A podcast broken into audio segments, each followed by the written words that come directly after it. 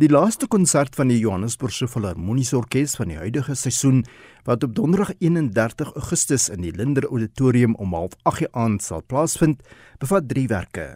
Die orkes skop af met Prokofiev se klassieke simfonie of dan ook sy simfonie nommer 1 in D majeur opus 25. Die werk het sy naam te danke aan die styl waarin die Russiese komponis die werk gekomponeer het. Hy het gebaseer op werke in die genre van tooningewende komponiste soos Haydn en Mozart uit die klassieke musiekperiode. Die tweede werk is Schumann se klavierkonsert opus 54 in A mineur. Die romantiese periode komponis het aan verskeie klavierkonserte gewerk, maar elke keer dit eenkant geskuif en hom na ander genres gewend. Sy vrou Clara Schumann het hom uiteindelik ooreed om een van sy pogings verder uit te brei en as 'n volledige konsert aan te bied. Sy was dan ook die solis tydens die premier in 1841.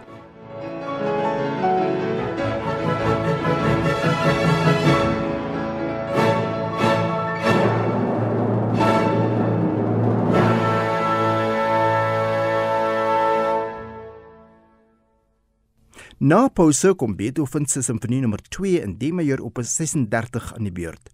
Alhoewel die werk nog sterk leun op die tradisionele klassieke simfonie, het Beethoven reeds begin om veranderinge aan die struktuur te bring.